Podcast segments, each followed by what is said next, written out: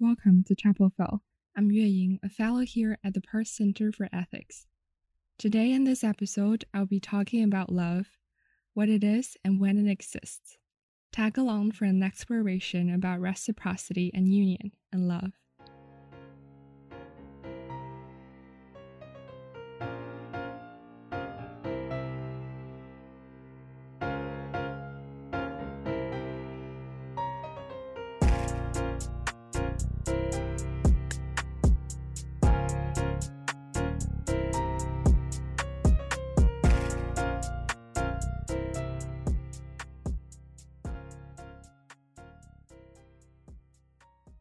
Let's start with the basics, or the hardest questions. What is the nature of love? What makes love love? Many believe that love needs to be mutual or reciprocated. Unrequited love alone has caused pain for generations. Simply not being texted back is a frustration that I believe we all share. If not, well, good for you, fellow listeners. For something to be called love, Returning feelings seems important, if not necessary for any relationships. Many philosophers, however, argue that reciprocity is not enough. One of them is Roger Scruton, an English philosopher. He writes that love exists just so soon as reciprocity becomes community. That is, just so soon as all distinction between my interests and your interests is overcome. With feelings alone, love does not yet exist. It really comes to life when reciprocity turns into community. Love is not you or me, love is a we, a sort of union. This we implies that our personal interests no longer exist. They're overcome, they're replaced with shared interests. We might ask ourselves, for love to exist, should we erase our boundaries? Should we care not about ourselves, but about an entity like a we? A community like we offers us a web of support and resources, but at the same time, it can be fragile and confining. Is it worth it to sacrifice individuality for a shared identity? If you're still listening and not falling asleep, we'll talk about how these questions are present in day to day relationships and ways to think about them after a short break.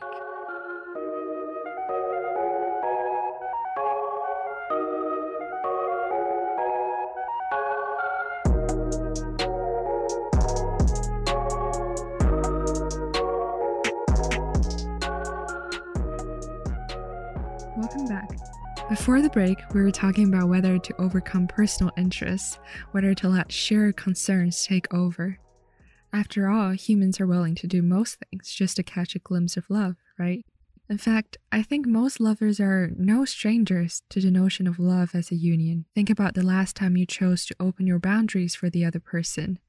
It can take any shape or form eating the same food, living in a shared space, acquiring the same hobbies as your significant other, making life decisions for all parts involved. We make compromises all the time, Today we can settle on Chick fil A if your lover craves your spicy chicken sandwich. Tomorrow we may rearrange our couch the way they wanted. But there is a fine line between a compromise and a total surrender. At any rate, giving up one's personal interests entirely seems too demanding to ask. So, to what extent should we do so? How much should one erase their own interests for the sake of the others? Robert Nozick, an American philosopher, had shed some light on this issue. His view differs slightly from that of Scruton. What is necessary for love, Nozick argues, are merely the desires to form a we and for love to be reciprocated. In his view, love appears to be more dynamic. Rather than uniformity, it is correspondence. It should be permissible to only reasonably adjust oneself for the sake of the union.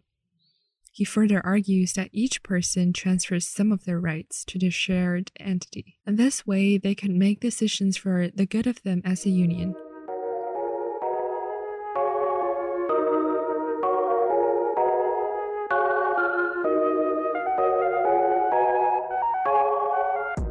Some may think that becoming a union takes away too much autonomy. In a no strings attached dating culture, it seems as if people shy away from commitment at an early stage. and of course, the responsibility that comes with it. Compromising and surrendering for a shared entity seems far out of reach. There is, however, hope in Nozick's view. In a union as he describes, the well being of a we is tied closely to that of you and me. Lovers are simply pulling for their own well being and autonomy. They utilize resources and divide their labor for the sake of mutual benefits. What I found most interesting is that a new identity also comes with being part of a we. This identity is additional, it adds to who we already are. Nozick used an example of reading. When one person comes across an interesting text, they would choose to leave it for their partner, not because it is boring to them, but because their partner would enjoy it more. As long as one of them understands it to its best, their identity as a we would acquire this knowledge successfully. Well, how fun is that? Along these lines, love appears nourishing, but in a most efficient way.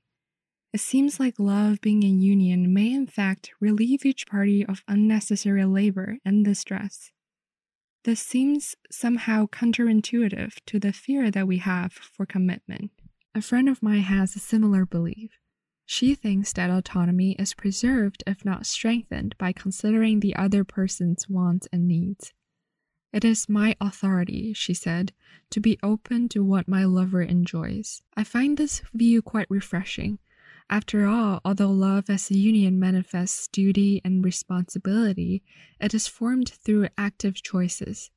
Perhaps it is the decisions made at every crossroad, the deepest engagement, that grow into love itself. To you, my listener, when does real love exist? And what is necessary for it to flourish? According to Scruton, personal interests should be overcome for a union to emerge. Nozick argues for simply a desire and intention to form a union. Which argument do you agree with more? What is your take on the nature of love?